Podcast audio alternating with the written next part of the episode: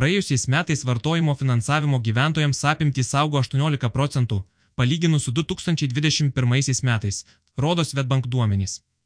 Šiam augimui didžiausios įtakos turėjo gyventojų poreikis įsigyti ir dėkti energetinį efektyvumą didinančius sprendimus - individualias ir nutolusias saulės jėgaines, modernius šilumos siurblius.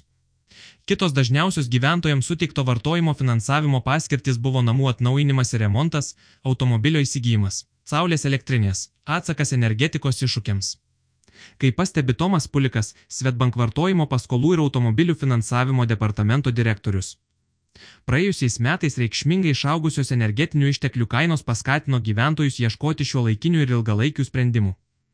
Pernai fiksavome elektros energiją generuojančių elektrinių, įvairių šilumos siurblių, energijos kaupiklių finansavimo šuolį.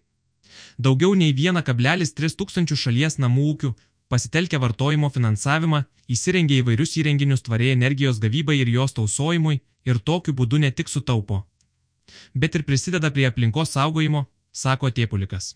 Kaip rodo Svetbank duomenys, pernai gyventojai saulės elektrinėms pasiskolino 11 milijonų eurų. Tai yra 8 kartais daugiau nei ankstesniais metais, kai tokio tipo finansavimo suma siekia 1,3 milijonus eurų. Per metus ūktelėjo ir vidutinė paskolos saulės elektriniai suma, pernai siekusi 8,3 tūkstančius eurų. Vidutinis tokios paskolos gražinimo laikotarpis siekia 7 metus. Didžioji saulės elektrinių ir kitų energijos efektyvumą didinančių sprendimų finansavimo dalis tenka trijų didžiųjų šalies miestų ir jų regionų gyventojams.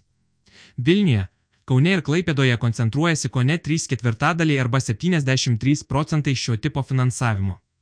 Likusi dalis pasiskirsto po mažesnius šalies regionus, iš kurių aktyvumu išsiskiria Šiauliai, Alitus ir Panevežys, komentuoja Svetbank atstovas, populiariausios - paskolos namų remontui. Pasak Tėpuliko, praėjusiais metais gyventojai taip pat aktyviai skolinosi namų atnaujinimo reikmėms. Vartojimo paskolos namų remontui atlikti sudarė apie trečdalį 32 procentai viso per metus suteikto vartojimo finansavimo portfelio. Vidutinė tokios paskolos suma siekia apie 11,2 tūkstančius eurų ir ją gyventojai skolinosi vidutiniam šešerių metų laikotarpiui. Pandemijos padiktuota namų aplinkos gerinimo tendencija buvo pastebima ir praėjusiais metais. Nuosekliai augančios dirbančiųjų pajamos ir stabili namų ūkių finansinė padėtis leido gyventojams gerinti savo būtį ir namų aplinką. Namų remontas bei jų atnaujinimas išlieka pačia populiariausia vartojimo finansavimo paskirtimi, pastebi Tiepulikas. Augo paskolos automobiliui suma. Pasak Svetbank eksperto, pernai dėl sutrukinėjusių pasaulinių tiekimo grandinių gerokai pailgėję naujų automobilių pristatymo terminai paskatino gyventojus, kaip alternatyvą, rinktis naudotus automobilius. Vartojimo paskola automobiliui įsigyti augo sparčiausiai iš visų vartojimo finansavimo segmentų Pernai jį padidėjo 16 procentų ir vidutiniškai siekia 7,9 tūkstančius eurų. Iš viso per 2022 metus paskolų automobilių įsigyti gyventojams buvo suteikta už beveik 24 milijonus eurų. Vidutinis tokios paskolos gražinimo terminas siekia kiek daugiau nei penkerius metus, sako Tiepulikas.